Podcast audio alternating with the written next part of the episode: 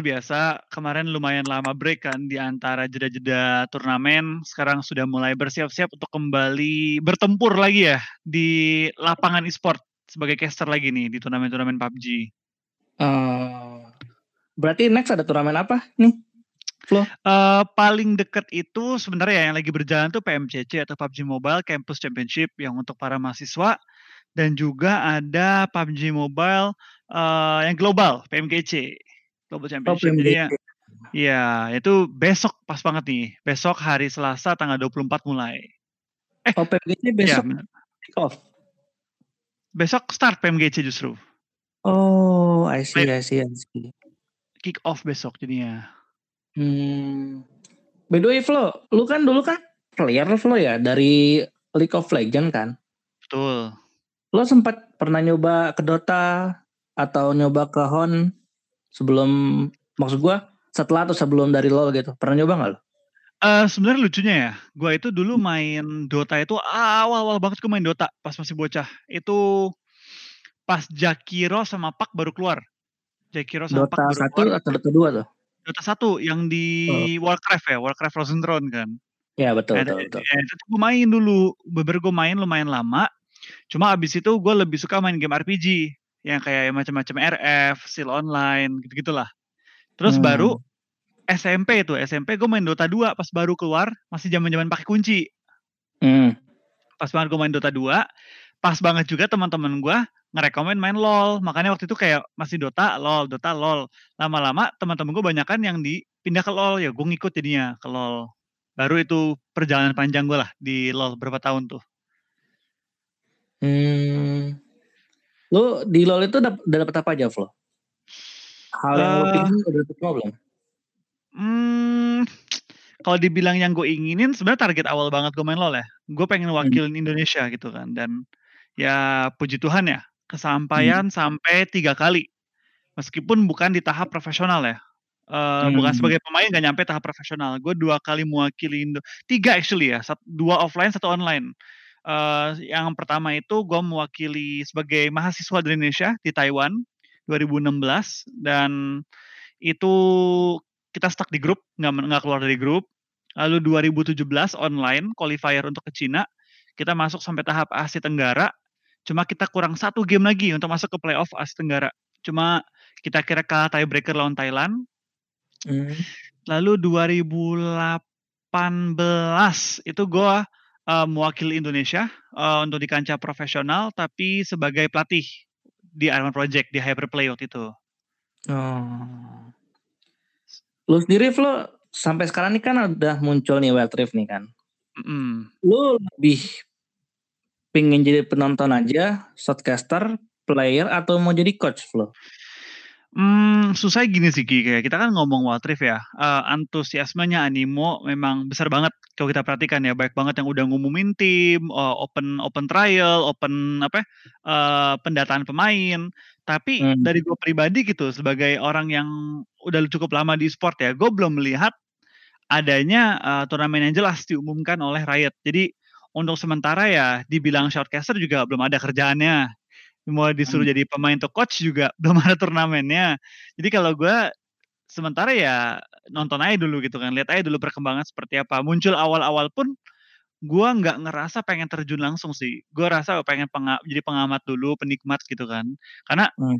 sementara ini ya bukan sementara sih gue emang udah nyaman banget di PUBG gitu. Menurut gue uh, PUBG udah fun banget, itu juga nge-start up karir gue lumayan kenceng gitu kan, dan gue nggak ada alasan buat pindah lagi sih, kecuali uh, mungkin di WR kita sampingan, kalau emang lagi kosong ya gue masih nggak apa-apa, tapi kalau untuk full pindah kayaknya enggak. Hmm, oke oke oke oke. The way Flo, lu kan uh, apa namanya? Lu waktu itu kenapa sih pingin jadi shortcaster gitu? Dari awal kan lu jadi player kan? Terus juga kalau nggak salah zaman zamannya lo jadi mulai jadi apa? Mulai jadi showcaser itu kan banyak mobile game yang lagi booming juga kan. Mm-hmm. Maksud gua itu kan salah satu kerjaan kita yang di uh, ranah e-sport yang emang dibilang kita bocah-bocah e-sport lah kan kalau nggak jadi showcaster, jadi player atau nggak jadi coach kan, mentok-mentoknya yeah. Nah, terus lo kenapa milih jalan jadi showcaster kan? Walaupun lo udah punya background yang cukup gede di lo, tapi kenapa lu lebih milih ke sana? Gue tahu sih lu dulu kan juga shortcaster di LGS ya kan, kalau gue nggak salah. Mhm, betul. Tap tapi lu kenapa lebih milih jadi shortcaster daripada jadi player gitu? Apa emang Mmm. cita-cita lu? Apa ada motivasi apa, orang panutan lu gitu yang lu pingin waktu itu lu ngejar orang itu akhirnya lu jadi shortcaster atau gimana? Sebenarnya kalau kita tarik kalau bukan kita sih, kayak gue tarik garis, eee, benang merahnya lah kenapa gue bisa jadi shortcaster. Awalnya tuh gue sebenarnya caster gitu, awal banget itu gue daftar sebagai caster, tapi sambil main juga. Zaman dulu kan belum teratur tuh e-sport Indo. Ja Hmm. jadi pas gue lagi nggak tanding, ya gue nge-cash, pas gue lagi nge-cash ya gue nggak tanding gitu. Jadi dulu tuh mesti jalan dua-duanya. Cuma memang dulu Hmm. itu, eee, kayak kalau kita kalau gue tarik, eee, penghasilan akhirnya memang sebagai pemain waktu itu lebih menguntungkan ketimbang gue jadi player.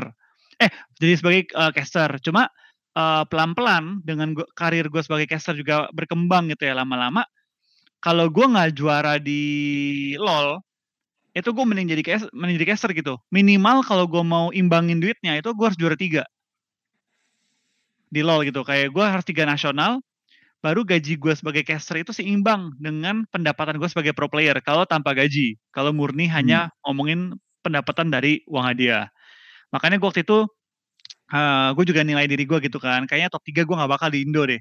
Gue mentok-mentok mungkin top 4 gitu kan, top 4 gue hitung-hitung gitu kalau dibagi rata, kalah sama gaji gue sebagai caster ya ngapain gue sama caster ngapain gue jadi player gitu kan, kalau mending gue jadi caster gitu. Nah itu satu langkah pertama kenapa gue prefer jadi caster dan sampai akhirnya ya keterusan gitu. Gue sebagai pemain kadang-kadang muncul gitu kan di turnamen-turnamen mahasiswa, tapi tetap utama gue itu caster. Udah mulai 2015 ya mungkin bisa dibilang, gue lebih utamanya di caster dibanding player. Berarti lu sekarang umur lu kalau nggak salah 21 apa 20 ya, Flo, ya? Gue lupa. 16 gue, Ki. Enggak enggak, serius serius.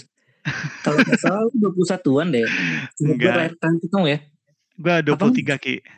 Oh iya, gue kira 21 23. loh sumpah.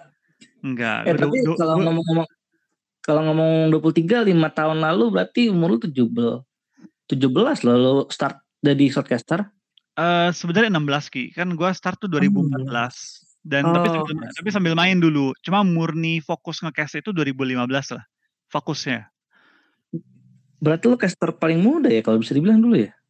Mmm, pada zamannya ya, pada zamannya iya, waktu itu gue caster paling muda. Kalau di LoL sih ada temen emang dia tandeman gue, emang temen gue dari kecil, dari masih anak TK gitu kan, gue suka main tetanggaan Hmm. sama dia, akhirnya nge-cash berdua kita. Cuma dia lebih tua dikit lah daripada gue. Jadi gue hitungannya ya ya gue paling muda kayak dulu. Hitungannya juga sekarang caster-caster sekarang kayak nggak ada yang umur 15, 16 deh. Sekarang tuh udah mulai 20 banyak, ya? Ki. Kalau di PUBG itu kayak 20 udah ada, kan anak-anak kampus kan, pada lulus Iya. jadi caster. Nah itu ada yang 20, 20 tahun, 19, Yang tapi 15 yang 15-an sih kalau gue bilang ba banyakan masih mikir buat jadi player tahu tahu nggak sih? Iya nggak sih? Iya, betul. Karena, eee, gimana ya, gue juga ngerasain dulu waktu gue masih umur 16 tahun ya, namanya baru mulai puber gitu kan, suara juga masih Cempreng ya begitu, ya? cempreng lah gitu kan. Dan dan sebenarnya kalau kita ngomong caster kan kita butuh tenaga gitu kan. Kalau lu dengerin Nah. ibaratnya kayak anak kecil nge-cash ya nggak apa ya, mungkin kurang se-familiar di kuping-kuping penonton kayak ya orang dewasa yang nge-cash gitu. Beda gitu kan feel-nya dan, Mhm. eee, artikulasinya, dari pemilihan kata-katanya pasti oh nggak pasti sih, tapi kemungkinan besar lebih lebih baik di orang dewasa yang emang udah lebih terbiasa public speaking. Nah, terus, eee, by the way, Flo Mhm. eee, rencana nih lu setelah jadi shortcaster mau ke mana lagi, Flo? Maksud gue setelah lu ada rencana mau pensiun dini kah atau pensiun ya sekitar berapa tahun lagi? Mungkin lo mau keluar dari e-sport atau gimana? Ada rencana nggak Mmm. lo ke depan? Atau masih pengen grinding dulu sampai tua mungkin 10 atau 20 tahun lagi baru lo berhenti? Gua dari dulu, Ki, ya, gua orang yang susah banget itu untuk mikir jauh ke depan. Dari dulu, dari gua Mmm. masih sekolah disuruh kayak tau gak sih waktu lu sekolah disuruh planning-planning gitu kayak, "Kamu 10 tahun lagi mau jadi apa?" Gitu kan. Terus suruh kayak tulis perencanaannya gitu kan, buat tuh di apa, kayak kelas-kelas kayak buat pengembangan karir. Nah gua tuh Gua kosong. Oh lu nggak pernah? Iya. Dulu waktu waktu gua kayak SMA gitu disuruh kayak gitu, buat kayak, "Kamu kuliah mau jurusan apa? Nanti kamu Nah. habis kuliah mau jadi kerja apa?" Itu gua blank. Gua blank sampai gua bilang ke guru gua, gua nggak bisa ngisi, gua nggak tahu gua mau jadi apa. Dan itu nggak cuma di SMA gitu, di SMP kan juga ada tuh kayak pemilihan, eee, minat bakat gitu kan. Gue kosong, gue nggak tahu gue mau tulis apa, sampai gue tuh ngasal, gue, eee, udah bingung kan, waktu udah mau habis, gue isi aja asal-asalan gitu. Asal bisa dikumpul aja biar gue bisa cabut kan, karena gue tuh nggak kepikiran, nggak pernah gitu kepikiran 5 tahun lagi mau jadi apa ya? Karena menurut gue 5 tahun itu banyak banget hal yang bisa terjadi gitu. Kalau kita mundur 5 tahun aja, gue baru mulai nge-cast dulu. Iya, Pas betul mulai betul. nge-cast, gue nggak bisa hidup dari caster. 5 tahun kemudian sekarang, ya bisa lah gue hidup dari caster gitu kan, dan gue nggak pernah kepikiran 5 tahun lalu kalau ini bisa jadi karir. Dan sama halnya juga sekarang gitu, kalau ditanya, eee, pertanyaan lu kan kayak nanti mau gimana, gue juga jujur nggak tahu Ki, karena gue tipe orang yang living the moment gitu. Gue enjoy dengan kerjaan gue, gue suka dengan kerjaan gue, dan gue nggak ada kepikiran gitu mau pensi ataupun pindah dari ranah gue, karena ya masih enjoy banget dan masih hidup dari kerjaan gue. Iya sih iya sih. By the way Flo, lu dulu kecil ada cita-cita nggak sih? Kayak Ada, gitu, ada Ki. gitu? Ada? Ada ada. Ah. Apa nih kalau boleh tahu nih? Pasti lucu. Mmm, sebenarnya kayak kalau lu tanya gue pas kecil ya, itu gue Heeh. selama masa kecil gue, yang gue inget ya gue main game. Kalau lu kayak gue tarik mundur banget gitu Oh. ya, dari zaman PS1, dari zaman Nintendo, zaman Game Boy belum ada yang advance, masih yang nyamping gitu, belum ada backlight, sampai Nintendo DS pertama, itu gue pasti main game. Kayak hidup gue tuh penuh main game, emang dari kecil tuh kalau dikasih pilihan gitu ya, kalau zaman dulu udah ada kata-kata gamer ya, gue mau jadi gamer gitu kan. Tapi kalau untuk sekarang ini, eee, ya apa ya, waktu udah mulai gedean ya pasti udah mulai lebih logis lah gitu kan. Dit ditanya mau jadi apa gitu kan, nggak mungkin dong gue jawab gamer dulu kan. Mmm. Dengan gue bertambah umur, gue lebih apa ya, leb waktu itu kan karena belum ada belum ada e-sport lah, ya gue melihatnya pengen jadi astronot tuh pernah kan. Nah, anak Mmm. kecil gitu, pengen jadi pemain bola. Nah, main bola lumayan lama tuh, lumayan lama gue pengen jadi pemain bola. Sampai ikut SSB, sampai ikut turnamen-turnamen, sampai pernah itu dulu sparring lawan beberapa SSB yang lumayan terkenal di Indonesia. Cuma akhirnya gue akhirnya jatuh ke dalam e-sport waktu gue mulai SMA gitu kan. Mulai masuk ke jatuh ke Mhm. dalam game, gue tinggalin semuanya, pengen full fokus di caster sama main game aja. Tapi zaman-zaman lu di SSB itu Flo, lu sempet gak sih kayak, eee, dapet ke tim inti atau seenggaknya cadangan gitu? Atau beberapa kali main di turnamen di SSB tersebut? Mmm, apa ya dibilangnya, kalau di SSB itu dulu gue kan kebetulan ikut yang bukan terlalu favorit lah, bukan yang favorit ya, Mmm. bukan yang prestigious dulu, gue ikut yang yang lumayan kecil gitu kan, dan nggak banyak, eee, prestasi awal-awalnya. Ya dibilang inti ya, inti-inti aja gitu kan. Tapi dulu itu, eee, gue selalu paling kecil, maksudnya kayak ketika ada umur U17 gitu kan, ya gue masih kayak 14 tahun, jadi masih cadangan. Dan itu terus ber berlanjut, gue berapa kali tuh ikut kayak ada MU Cup, ada turnamen-turnamen nasional lainnya yang gue pernah ikut, tapi emang nggak terlalu jauh, biasanya kayak cuma sampai ronde 3, ronde 4 kalah, nggak sampai semifinal 8 besar gitu, nggak pernah. Mmm. Way itu, eee, lu keinginan lu sendiri atau emang bersama bareng orang tua Flo, jadi pesepak bola Flo, dulu? Nyokap gue malah benci banget gue main bola, sumpah nyokap gue itu benci gue main bola, nyokap gue dulu benci gue main game. Dia selalu ngomong kayak, "Kamu kenapa ngejar main bola, ngejar-ngejar bola doang nggak jelas," gitu kan. Main game juga sama, "Kamu ngapain tiap hari cuma kletak-kletuk, gerak-gerakin mouse, ketok-ketok keyboard kamu, main game, nggak jelas," gitu kan. Ya itu terus tuh, terus bertahun-tahun bertahun-tahun sampai akhirnya nyokap gue, ya gue nggak tahu ya, mengakui atau mengalah gitu ya, membiarkan gue main game gitu. Sama sih, sama aja kayak nyokap gue, kan dulu du gue juga dulu sama kayak lu kan. Kayak gue setiap main game tuh kayak diomelin mulu diomelin mulu, begitu udah ya kalau dibilang ada penghasilan makin ke sini ya udah kayak, "Oh lagi main game, ya udah biarin aja." Digituin gue. Sampai akhirnya bosen anjir. Itu balik lagi Ki, kalau di sisi gue ya, gue nggak tahu itu di itu pengakuan atau udah nyerah sama gue. Aduh. By the way Flo, ini kan sekarang banyak banget ya shortcaster-shortcaster di Indo ya. Kalau bisa dibilang Mhm. dibandingkan zaman dulu yang emang paling caster cuman dari LoL atau enggak dari Dota 2. Mentok-mentok CS:GO itu ada Om Wawa, eee, Wilson, terus siapa lagi sih gue lupa caster Dota 2, DZ yang Ya kalau ada kalau Dota 2 nganggur ke CSGO ya kan. Iya. Sama Pasta juga dulu sempet-sempet. Sekarang kan kayak caster tuh udah banyak banget lah. Ada di FF ada, di ML ada, AOV ada. Terus ya se apa gamenya masing-masing lah ada sukesernya lah. Menurut lu Hmm. buat para sukeser yang mau mulai karir di Indonesia, di, Indonesia kan di saat ini menurut lu gimana Flo? Apa yang harus mereka, mereka lakukan?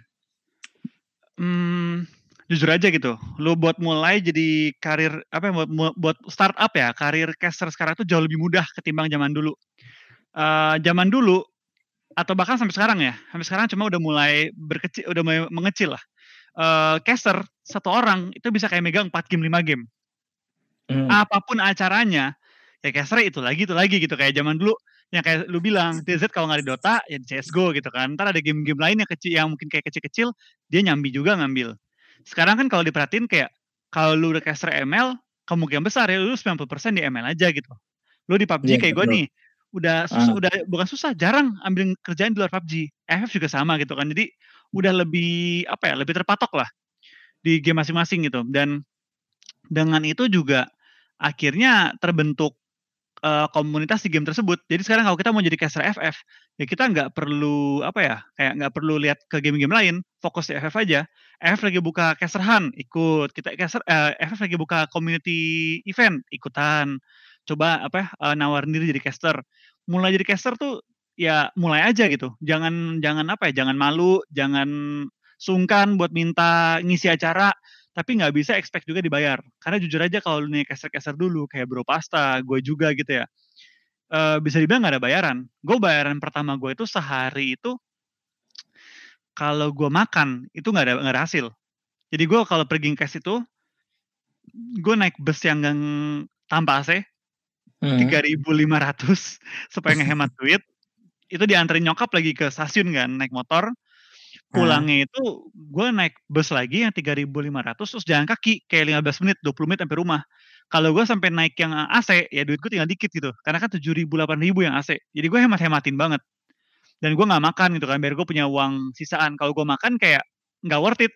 Ya mungkin kalau gue makan dan lain-lain ya kayak beli beli minuman, makan itu mungkin 50 ribu nggak nyampe sisanya gitu sehari. Dan itu juga nggak cuma gue gitu, caster-caster lain juga yang cerita, oh dulu gue pertama megang cash nggak dimak nggak dibayar, cuma dibayar nasi bungkus. Itu udah, udah normal zaman dulu gitu. Aha. Jadi kalau caster-caster yang sekarang ya, gue rasa apa ya, dibilang dibilang lebih enak juga, ya menurut gue karena udah lebih umum lah buat ngebayar caster. Zaman dulu tuh lu lu ngapain bayar caster gitu, nggak penting-penting amat caster. Jadi sekarang ya harusnya buat mulai lebih enak gitu. Lu daftar jadi caster masih dapat bayaran mungkin kayak tiga tiga ribu sehari, dua ribu sehari. Tapi ya itu harus inisiatif. Kalau emang belum punya nama, inisiatif cari nama. Tawarin diri, mau nggak jasa caster gini? Gue casterin tiga hari, udah nggak usah bayar dulu awal-awal. Nanti next turnamen baru bayar gua kalau kalau cocok gitu. Nawar-nawarin diri, jangan sungkan lah buat nawarin jasa di awal-awal. Gue juga sama sih kayak lu kayak gue sampai sekarang ya bahkan sampai sekarang nih kalau emang Garena manggil gue buat ngecash gue nggak pernah nanya gue nggak pernah nanya red tau. Udah cash aja dulu. gue gue gue nggak pernah minta red gue misalnya di, di chat nih kan sama sekarang kan megang kan Mas Nul kan Mas Nul nanya apa Mas Nul bilang mau ngecash gak? Ya udah kapan? Eh, besok. Ya udah besok gue jalan. Gue nggak pernah gue nggak pernah minta kayak gue nggak pernah minta makanan lah gue nggak pernah minta red lah apa walaupun kan emang gue juga nggak punya nama kan di Socaster kan. Cuman kan adalah beberapa orang yang eh, apa ya kayak banyak banget inilah banyak banget perhitungan lah. Ada yang bilang gue belum ongkosnya apa ke sana berapa terus belum lagi gue makannya ntar gimana belum lagi belum lagi belum lagi berak sana anjing. Baru maksud gue gue kesel banget kayak eh, gimana ya beberapa orang yang pernah dapat kesempatan nge tuh kayak banyak banget ngeluhnya kayak ini itu ini itu tapi dia sendiri belum punya nama gitu loh. Walaupun yang udah punya nama sendiri kayak banyak banget orang-orang yang udah punya nama terus gak cocok sama rate-nya dia tetap ambil tapi dia sendiri nggak tahu gitu loh. Dia tuh nggak kuat sama rate tersebut tapi Hmm. ujung-ujungnya malah ngeluh kan kayak apaan sih lu udah ngambil semua udah ambil jobnya terus lu udah, terkenal dari situ? Tapi lu malah ngeluh gitu loh. Maksud gue tau lah tahu sama uh, red yang lu mau lah gue kayak hmm. gimana ya gue nggak pernah mah gue tuh takut kalau kalau meminta red lu bukannya gimana ya gue takut anjir. Takut gak kepake lagi. Gue sumpah loh itu gue gue mau jadi apa ya mau jadi uh, orang-orang yang angkat-angkat barang. Lo tanya deh hmm. orang apa lo tanya revive apa? Lo tanya di revival lo tanya di Mineski waktu itu Mineski yang hire gue si siapa tuh yang agak gemuk? Gue lupa lagi namanya. Siapa itulah. itu? lupa gue adalah. Terus ada lagi si Bimo. Bimo juga tau tuh. Hmm. gue tuh nggak pernah kalau di revival tuh Dani yang sekarang yang hire gue gue tuh kalau dipanggil mereka ya gue tuh nggak pernah nanya berapa harganya. Eh berapa gue sehari? Berapa gue sehari? Gue nggak pernah nanya. Gue kayak kalau emang menurut gue itu tugasnya berat banget kayak misalnya dari pagi sampai malam dan sampai loading juga gue harus angkat-angkat barang mungkin hmm. iya gue nanya. Cuman kalau misalnya nanya cuman buat jadi uh, referee atau jadi apa di apa cuma nanya lu kapan free apa lu bisa free kapan? Nah gue free hari ini. Ya udah besok datang ya datang. Gue gak ngomong sama sekali habis itu baru uh, orang apa orang Revival atau orang Mineski baru ngomong kan ini uh, lu sehari segini ya nggak apa-apa kan? Gue bilang ya udah nggak apa-apa syukur-syukur kalau emang dapat uangnya kan lumayan gue buat makan buat buat tidur eh buat keluar itu kan buat gue keluar keluar apa keluar keluar rumah kan lumayan loh walaupun iya. nggak iya. tutup di ongkos cuman seenggaknya gue punya apa punya link buat uh, ngebangun gue nanti emang kalau emang pingin lanjut lagi di sport gitu loh seenggaknya gitu yang gue pikirin jadi jangan takut lah buat mulai ya nggak Flo.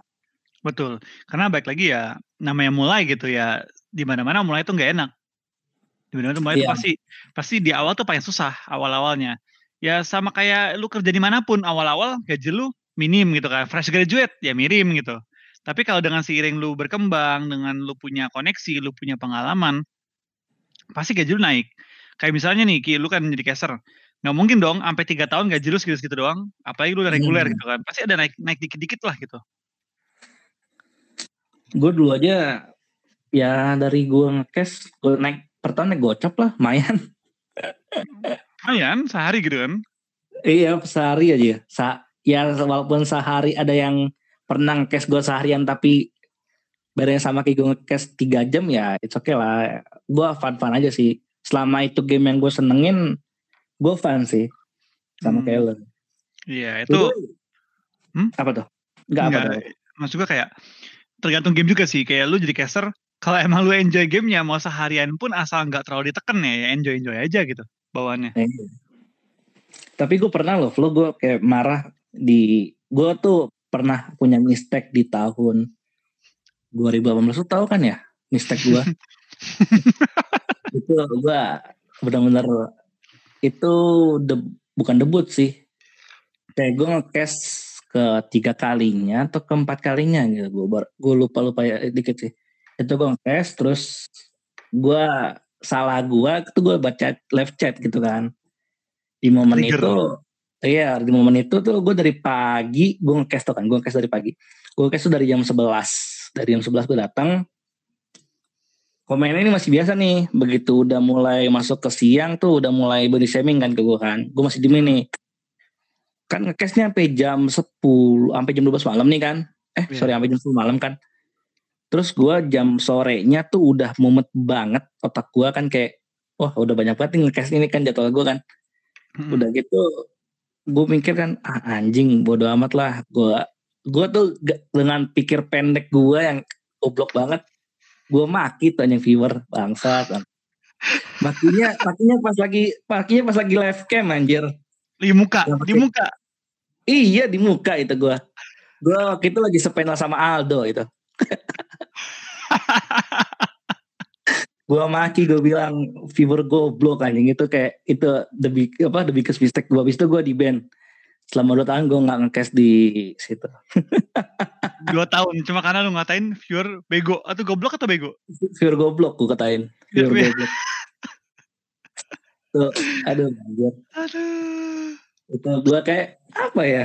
Gue kadang tuh kesel sama netizen kan hmm. apalagi kalau gue lihat kayak berita kemarin si Ica Ica Macalate ngomel kan Yeah. Karena kalau apalagi kayak wanita gitu kan sering banget di body shaming kan, entah di body shaming lah, di sexual harassment lah, itu kan hmm. banyak banget gitu loh.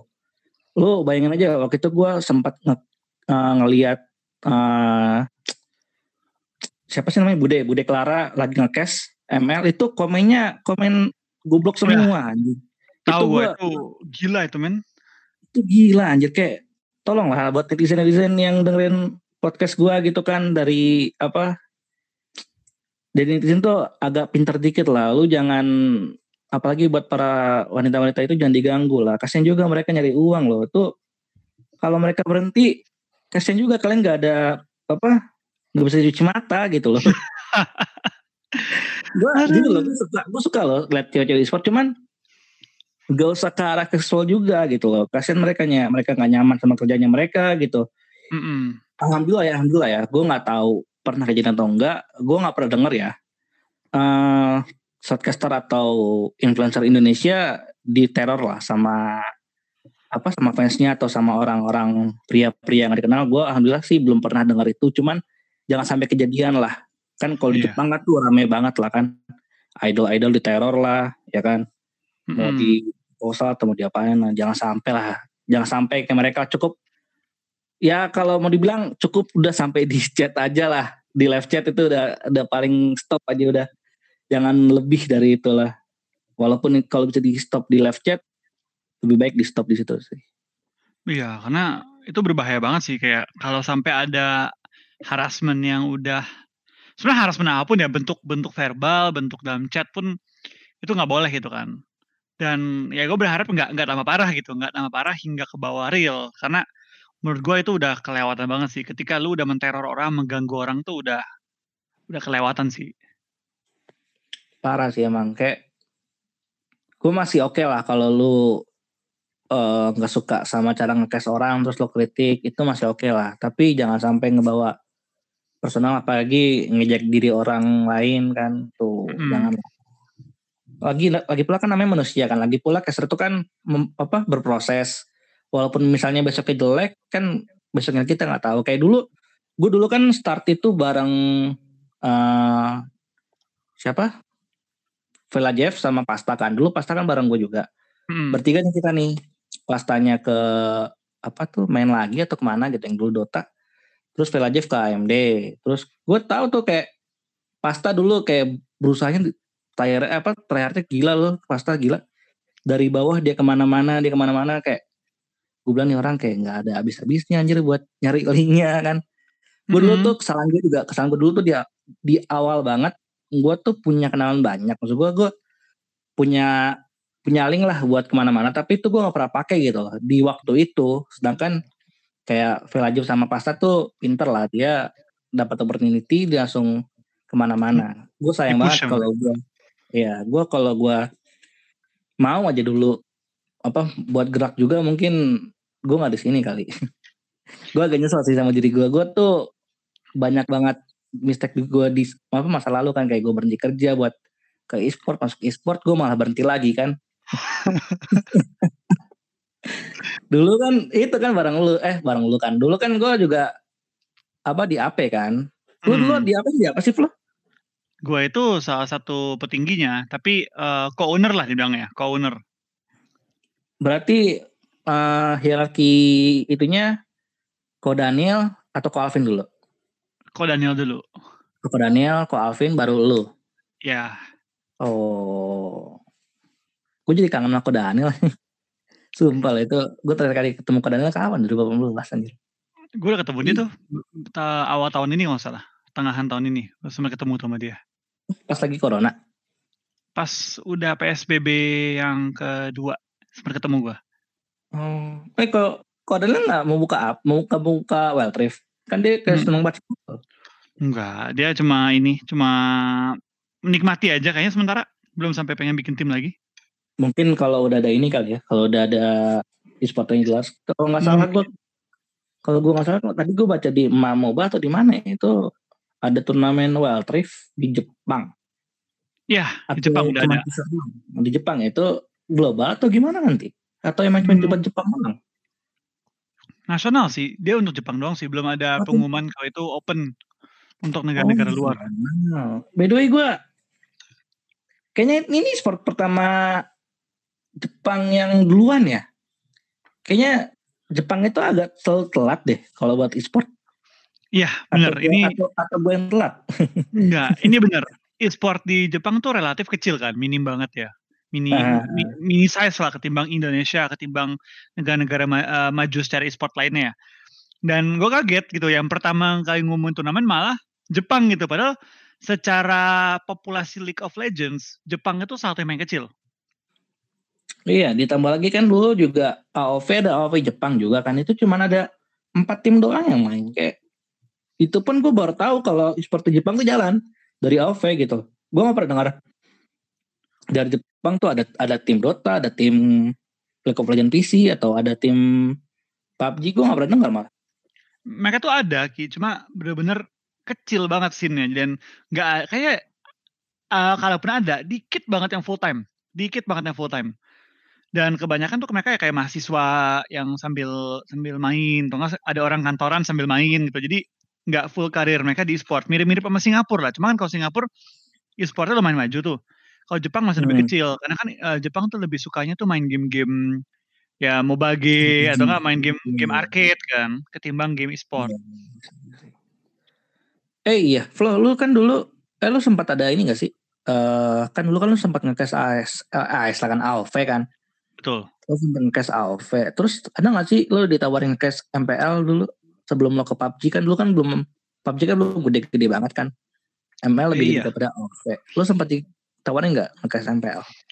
Eh, gua kan akhirnya pindah kan, akhirnya pindah ke Mobile Legend. Itu season 3 Hmm. MPL yang di Kompas TV ya. Itu itu gua akhirnya ngambil pakai bahasa Inggris. Cuma sebelumnya itu gue pernah tawarin season 2 final yang di Surabaya. Gue tawarin buat ngisi di Inggris. Cuma waktu itu gue tolak karena di AOV itu gue udah janji duluan. Ada apa? Bikin kelarin ASL sama ada bikin yang video casterhan Oh, Yang di- terakhir yang itu ya. yang yang yang goib yang goib.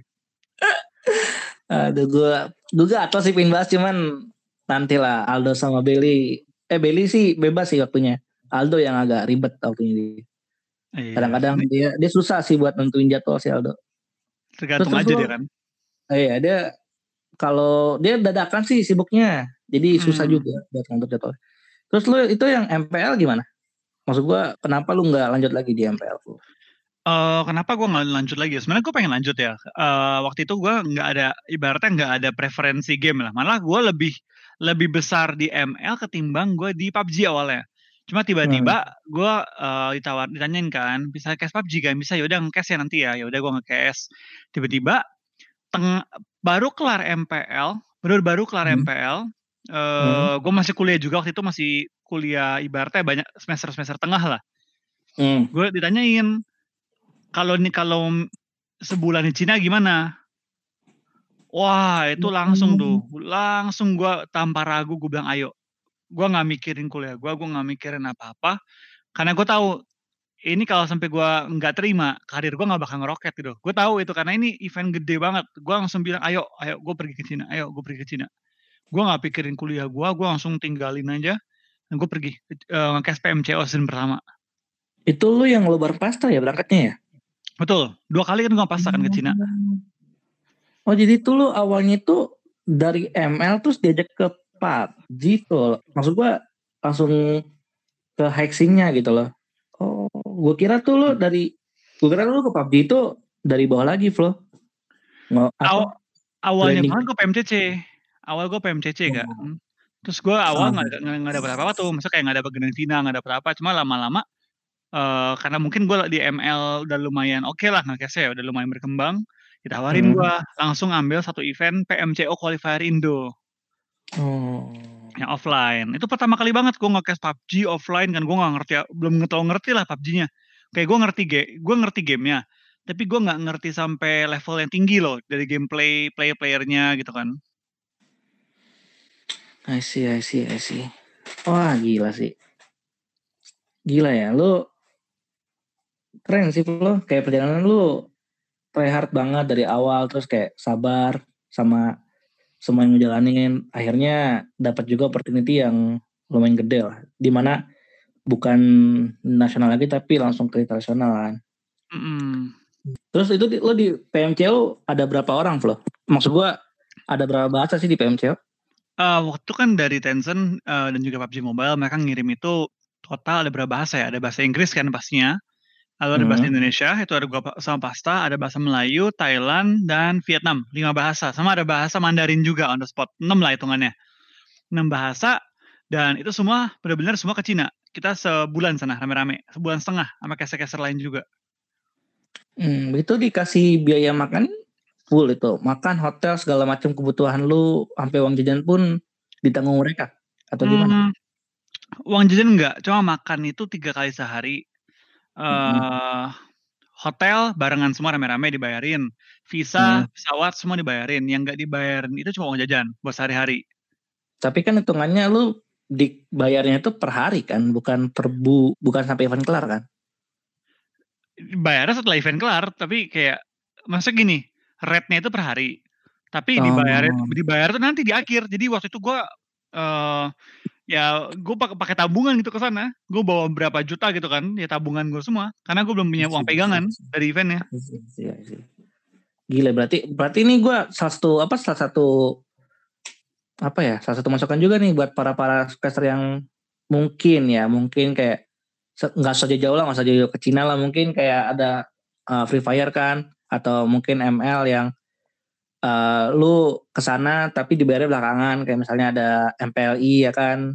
Mungkin MPLI season 3 atau MPLI season 4 yang turnamennya di luar lagi lu dipanggil ke sana lu caster baru juga. Hitung-hitungannya lu simpan-simpan uang lah ya enggak Flo. Takutnya kan lu dibayarin semua cuman nggak bawa uang juga kan nggak enak kan ke luar negeri. Karena kemudian tuh kan lu pasti tanggung sendiri gitu loh nggak ada tanggung sama IO-nya biasanya sih gitu biasanya emang kayak gitu walaupun lu player apa walaupun player juga sama sih gue juga dulu player hotel dibayarin makan dibayarin cuman ya jajan ya jajan sendiri gitu Iya, kan- karena Iya. karena dari pengalaman gue ya, gue udah nge-cast event di nasional sampai berapa kali di luar negeri juga di Singapura, Thailand, Taiwan, Cina.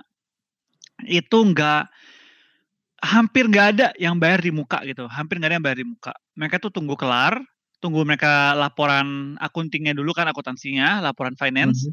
baru bakal turun ke lu tuh sebulan gitu biasanya, sebulan kemudian. Nggak nggak instan juga gitu, dikasih amplop gitu kan, karena mereka mau laporan pajak juga kan. Ah. Tapi lo Jadi- Flo dulu Hmm? Oh kenapa kenapa? Sorry sorry, Nah, ya, ya, ya, jadi itu baik lagi butuh siapin siapin pegangan lah apalagi lu ke luar negeri dengan jangka waktu lama nggak usah luar negeri lah luar kota gitu kan kayak lu misalnya dari Jakarta disuruh ngecast di mana tuh di Kalimantan gitu kan lu Hmm. hitung hitung lah pengeluaran lu berapa kira-kira cuma kalau di dalam negeri enaknya ki ATM gitu kan ATM tinggal tarik Iya benar sih, benar sih benar kalau- sih. kalau di luar negeri lu mau narik tuh mikir-mikir sekali narik kepotong dua puluh lima ribu gitu Terus juga ditambah lagi, tapi kalau tarik nambah apa? Narik ke lima ribu sih, mending tarik sekalian sih, tarik di luar. Maksud gue daripada pakai money changer, mending tarik sekalian sih kalau dari gue ya. Karena pengalaman gue pakai money changer sih boncos anjing.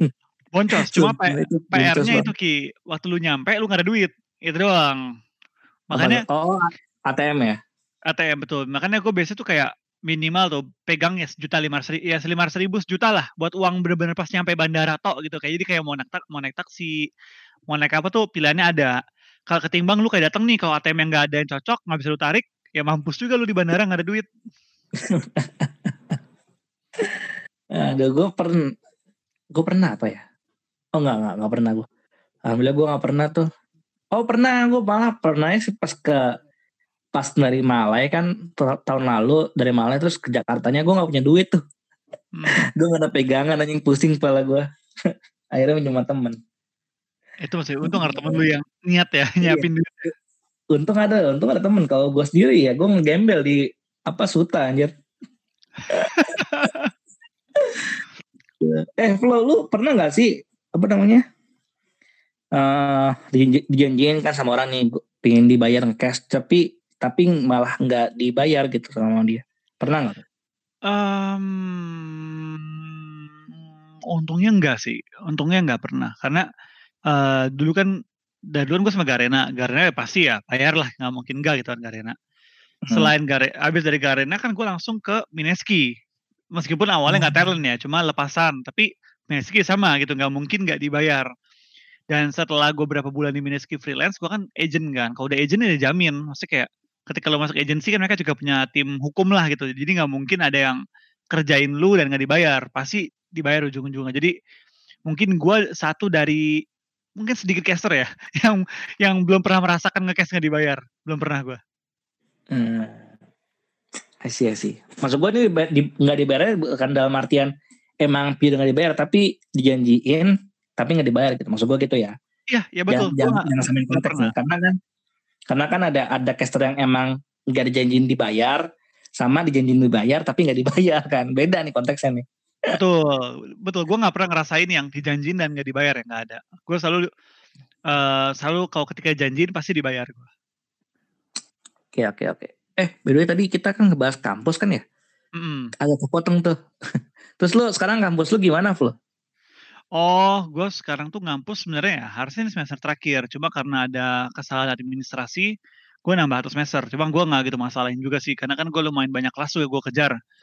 Kalau hmm. gue hitung-hitung juga dengan dengan kelas-kelas yang gue masih harus kerjain, kalau gue tambahin skripsi kemarin, yang ada nggak kelar, hmm. malah stres gue. Jadi um, karena kesalahan administrasi, gue jadi skripsi ke daftar tahun depan kan. Hmm. Padahal udah tiga bab kelar, tapi ya udahlah, mungkin hitungannya juga berkat yang terselubung gitu. Kalau gue ada skripsi juga, mungkin gue nggak bisa ngekes, mungkin udah full banget jadwal gue. Jadi ya, gue lihatnya positif aja lah mungkin dengan dengan kedelaynya kelulusan gue, gue bisa fokus ke kerjaan gue juga sementara ini. Nggak apa-apa lah. Lu masih dua, dua tahun lagi lah bareng gue.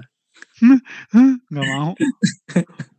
eh gue gue sampai dibilang gue kan masih kampus ya walaupun ke, ngapa kuliah gue udah kayak kuliah masuk buat ujian doang ya ujian junin ujian junin terakhir ini kayak nggak kelar kelar kan gue semester 13 ya kan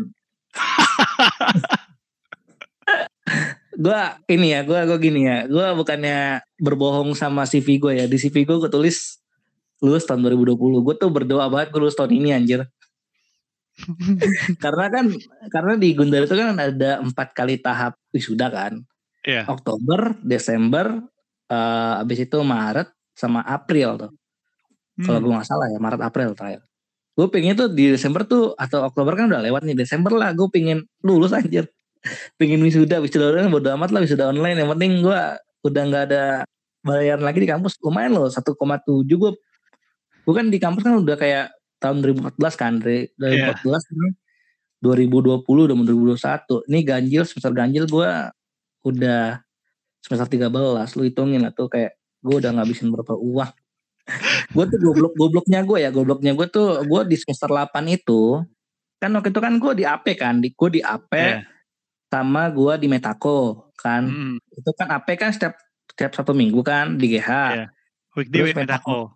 Ya, terus kalau di Metako itu kan kayak misalnya uh, eh, gue di Metako itu waktu itu kerja, uh, kerja cuma sekali doang kan. Maksud gue dari lima hari gue bebas pilih hari apa aja karena waktu itu gue masih uh, magang lah ibarat kata lah.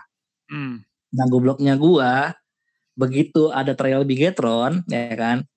Gue udah bayar kampus nih, gue udah bayar kampus terus gobloknya gue gue malah ke Bigetron kampus gue gue tinggal anjing semuanya tuh selalu tinggalin semua. Semuanya gue tinggalin tuh tiga bulan. Ya mending lah kalau gue tiga bulan main ASL ya kan. Tiga bulan pas begitu udah mau ASL gue mulai nggak ngerasa nyaman di GH ya kan. Adalah something something yang gue nggak suka lah. Hah. kayak ini agak berbau horor juga cuman nanti aja lah kalau emang ada next time kita bahas. Yeah. cuman gue tuh gue kan orang yang paling nggak suka sama hal horor hal mistis kan. Terus juga apalagi gue kalau udah ketemu sama hewan namanya kecoa itu kayak gue itu gue kalau lihat dia jalan aja gue tuh udah takut banget anjing. Jadi ya udahlah gue udah mulai gak nyaman di GH dan juga terlalu apa terlalu padat banget jadwal gue karena gue latihan tuh gue juga salah sih. Emang setiap player tuh latihan emang dari jam 9 pagi sampai jam 12 malam tuh. Waktu itu kan jam 9 pagi itu uh, latihan biasa rank sampai jam 4 sore 4 sore itu break. Itu 4 sore break mandi segala macem. Siap-siap buat scrim jam setengah 7 itu udah scrim lagi. Setengah 7 sampai jam uh, eh, 12 lah. Itu hmm. scrim. Itu kan itu kan emang udah daily life-nya pro player lah. Lu gak ada waktu buat leha-leha kayak ketawa TV ketawa TV kagak ada itu udah Hmm. udah daily life lah. Walaupun itu ranked kan kayak ranked kan itu kan berkata itu hal walaupun nggak wajib tapi itu kan hal salah satu lu harus main gitu loh. Itu kan karena kerjaan lu lu juga nggak boleh sampai turun lah performa lu kan. Hmm. gue itu mikirnya kayak ke person apa pressure gue gede banget kan. Terus waktu itu juga salahnya gue gue tuh buk sering banget buka Instagram kan. Dulu kan gue sering nongkrong di GGO kan. Gue sering nongkrong nongkrong di GGO gue ngeliat teman-teman gue kok enak banget ya. Mereka jalan-jalan ke puncak lah jalan-jalan ke Dufan lah. Terus gue gue tuh di GH tuh kayak di penjara kan kayak gue bilang gue pengen keluar gue pengen keluar tolong tolonglah saya kan. Akhirnya gue keluar jadi kata jadi apa gue jadi anjing kali ya, keluar. Begitu keluar gue kayak nggak jadi apa-apa anjing. Terus kerjaan udah juga, ditinggalin lagi di Metako iya kan. kerjaan kerjaan udah gue tinggalin. Kampus tuh tinggalin. kampus gue tinggalin terus kesempatan gue dapat uang yang lumayan besar lah. Waktu itu kan AS 102 kan besar tuh lumayan kan. Lu dapat gaji dari tim oh lebih gobloknya lagi Flo lebih gobloknya lagi nih. Gue keluar dari tim ya gue keluar dari tim nih. Gaji gue masih kecil kan. Dua minggu kemudian Flo gajinya naik anjing. Sumpah. Sumpah itu gajinya naik naik berapa ya? 34 pas apa tiga per empat lah dari gaji gue gue bilang ngen. Ah gue tuh kayak kesel banget di situ kan. Gue bilang anjing gue kenapa keluar tai tai. Waktu itu kan emang prioritas gue kan emang ya namanya juga orang yang udah kena uang jadi udahlah prioritas gue uang uang uang uang uang uang pokoknya.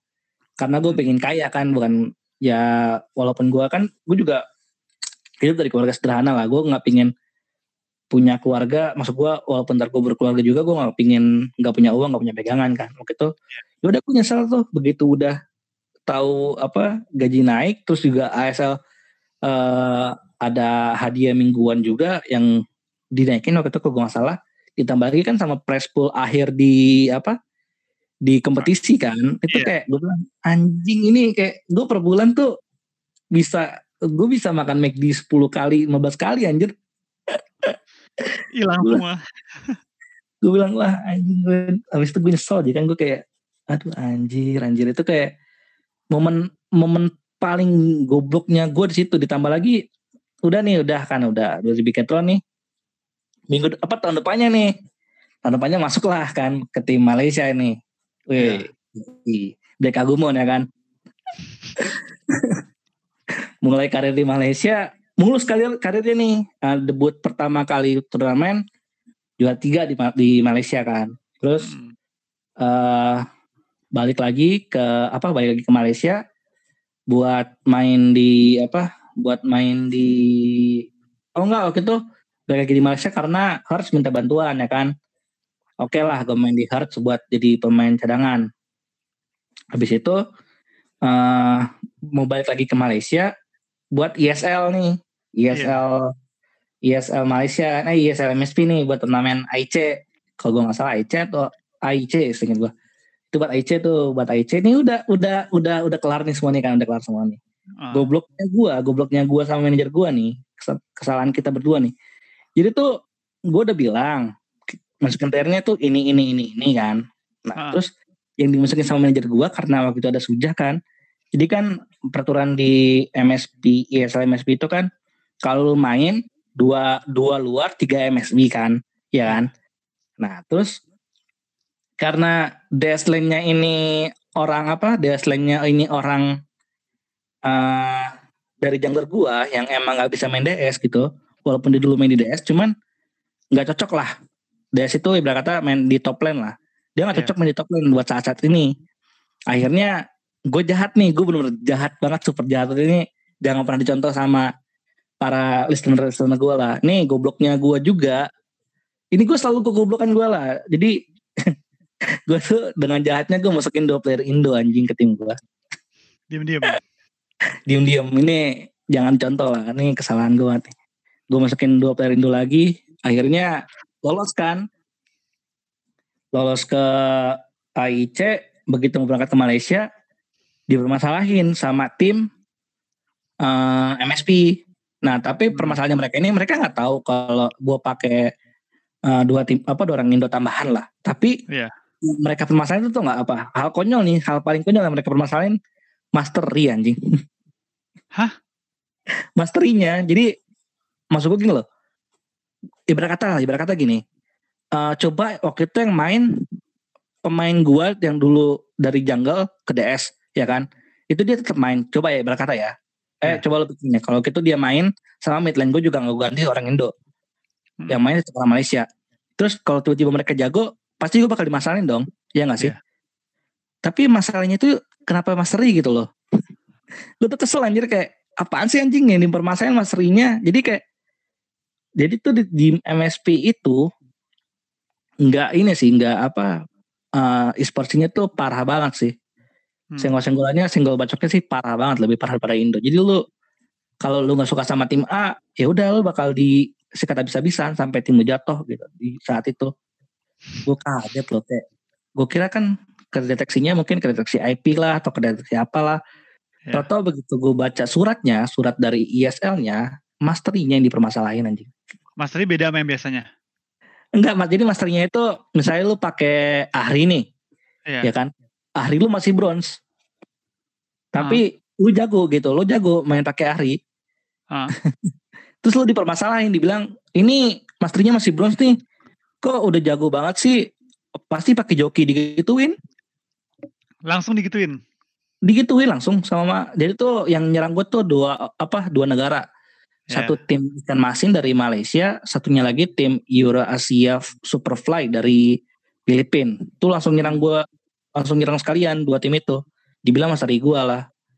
Cuman oke okay lah kalau kan gue juga salah. Gue gue ngakuin salah gue pakai tim Indo. Cuman kalau misalnya itu gue pakai orang Malaysia terus di permasalahan masternya sih konyol sih. Cuman nggak ada bukti itu kan?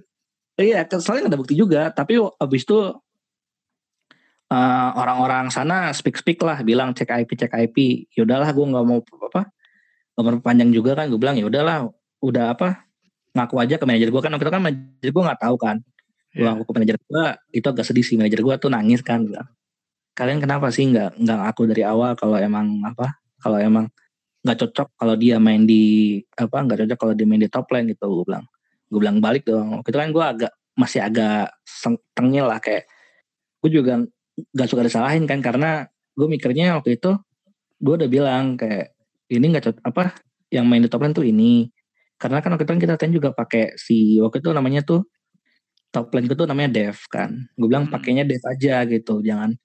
Karena kan si uh, ada suja suja kan ngisi terus gue kan main support karena nggak ada role support sama role jungle yang mem apa memadai gitu. Ya udah jadi pakai gua berdua. Nah terus buat side lainnya itu nggak usah pakai si apa jangan pakai si Yunan kan waktu kan Mayunan kan gua hmm. orang Indo gantinya si Dev. Nah si Dev ini kan emang udah dari lama juga di tim itu kan. Kayak jadi Yunan sama Dev itu kan ganti-gantian. Nah gue udah bilang kayak gitu. Akhirnya dimasukin lah si Arasi waktu itu jadi top lane. Nah Arasi ini kayak gimana ya? Itu di um, Hamin satu gue baru tahu itu sama apa roster kita. Gue langsung bilang pusing pala gue anjing. Anjing. nggak ada latihan latihannya maksud gue nggak ada latihan dia jadi DDS kan. Tiba-tiba main di DS udah lah gue bilang pakai orang pakai orang Indo aja lah gue jahat banget itu. Gue emang pingin banget gitu main walaupun gue ngewakilin Indo cuman seenggaknya gue main di luar dah gue ke negeri. Hmm. walaupun gue ngewakilin atas nama tim waktu itu kan gue di NXP di Next Play. Next Play itu kan punya Filipin cuman base-nya itu waktu itu bareng sama orang Malaysia. Jadi Filipin nge-expand ke Malaysia. Habis itu gue masuknya lewat uh, sama orang-orang Malaysia. Hmm. itulah main lah gue bolak-balik Malaysia berapa kali? Tiga kali. Itu pertama kalinya gue juga. Pertama kalinya gue injek tanah di Malaysia pertama kalinya gue juga bakal di ya bakal dari luar Indonesia. Terus pertama kali juga gue di banned dari turnamen. Sumpah di banned dari caster di banned dari turnamen. Gila hidup gue di banned mulu ya anjing. Lu Semoga di, di banned dari ESL di banned gue dari ESL waktu itu ESL MSP tapi ya. Gue di banned yeah. berapa tahun? Dua tahun kalau gue nggak salah. Tapi ya tetap apa tetap aja. Abis itu nggak ada lagi namanya ESL MSP iya. Yeah. Dan ada Alvin lagi di ESL kan? Iya nggak ada lagi ya Ovi di ESL. Iya sih, ESL juga udah nggak jalan juga kan di Indo sama di MSP. Tapi di Thailand masih jalan sih ESL-nya. Jalan masih jalan Thailand. Masih. Gue terakhir kali lihat berapa minggu lalu namanya ESL ROV atau ESL apa gitu namanya. masih jalan kok AOV-nya ya karena Thailand juga gede banget sih AOV-nya tuh udah kayak ML gue bilang sih ja, kalah jauh sih uh, gimana ya e-sport apa orang e-sport di Thailand lebih gila sih daripada orang e-sport di Indo. Itu juga hadiah-hadiah gede banget itu. Maksud gue nggak main-main lah mereka. Lebih nggak main-main daripada Indo. Hmm. dari dari kemasannya lah dari uh, apa namanya? Dari kemasannya dari antusias penontonnya sekalipun itu kayak jauh banget. Indo tuh Indo bisa ngejar cuman kalau gue bisa dibilang 12 banding 10 lah. Nggak jauh-jauh banget sih. Cuman masih bisa dikejar sama kita mungkin kalau ya? dari iya mungkin kalau dari segi IO gue bilang udah oke okay lah cuman mungkin kalau dari segi penonton pendukung gue bilang masih jauh sih penonton yeah. Indo penonton Indo sih kacau sih penonton Indo kacau sih penonton penonton Thailand kalau gue lihat gue sih lihat dari kaca ya lihat dari dari kaca kreatif sih penontonnya sih gue hmm. kayak Korea nggak sih kayak Korea nggak sih mereka budayanya? Kayak uh, budaya fansnya? Hmm kurang lebih lah kurang lebih kurang lebih. Bahkan itu nonton nonton apa nonton di pertandingan biasa aja mereka sampai bikin apa bikin di HP kan ada tuh aplikasi buat name apa? Running text gitu ya? Running text ya running text. Yeah. kayak itu gue tau running text aja tuh dari mereka gitu. Kreatif lah dari buat mereka. Di Indo gue nggak pernah lihat di MPL ada orang pakai running text gitu I love misalnya I love Sin I love siapa gitu kan I love Lemon nggak pernah gue lihat hmm, itu mungkin ya setahu gue Thailand ngikutinnya Korea banget sih. Kayak gaya-gaya mereka ngedukung tuh Korea banget lah budaya Korea e-sportnya. Kita kayak lebih unik lah. Kita um, mungkin lagi masih mem membentuk lah. Karena kan e-sports ini kan masih jadi hal yang lumayan baru lah. baru dua tahun tiga hmm. tahun ini kan. Jadi butuh waktu lah untuk mature juga dari scene dan penontonnya. Iya sih, kita budaya kita masih budaya sepak bola sih penontonnya. Iya. Kayak marching band dan segala macam sih. Gue ya cukup suka sih. Gue itu ngeliat grand final ASL kan ada yang bawa apa? Drum set ya? Drum iya drum set bawa dua drum set tuh. Kalau nggak salah itu GGWP deh. Tunggu GGWP bawa drum set kan cek lihat. Pasti oke okay lah. Itu nggak bawa bendera slang loh. Pengen gue pukul nih pukul anjing sumpah itu kalau ada yang lagi nong apa nonton MP atau nongkrong apa nonton PM apa PUBG nih gue pukul aja kalau ada yang bawa bendera slang woi Selain gak ada TV sport. ntar, ntar bikin lagi slang e-sports. Boleh sih, biar, boleh. Biar, biar lu salah eh, katanya. Ada e-sport slang. Gue kaget loh kemarin yang menang e-sport award timnya si Raffi anjir. Ya, gue kira bakal si ini loh, bakal si Reza Arab ya. Gue kira Morp. Iya. Kan. Maksud gue, gue gak pernah denger nama timnya dia. Bahkan Morp aja, Morp kan udah main di PUBG, udah main di PUBG ya, dia paling sering ya. PUBG, PUBG. sama apa sih? PUBG Dulu, sama apa sih?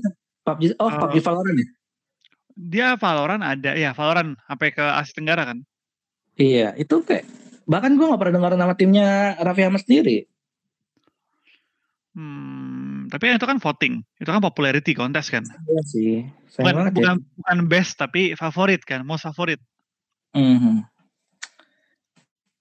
Antara PR-nya Raffi Ahmad yang bagus buat ngeboosting itu semua atau PR-nya eh atau si Reza Arab yang masa bodoh sih nggak mau ngeboosting itu ya namanya popularity contest ya ini ya ya adu-adu banyak-banyakan voting eh, kan nggak bukan menilai kualitas murni lah gitu kan?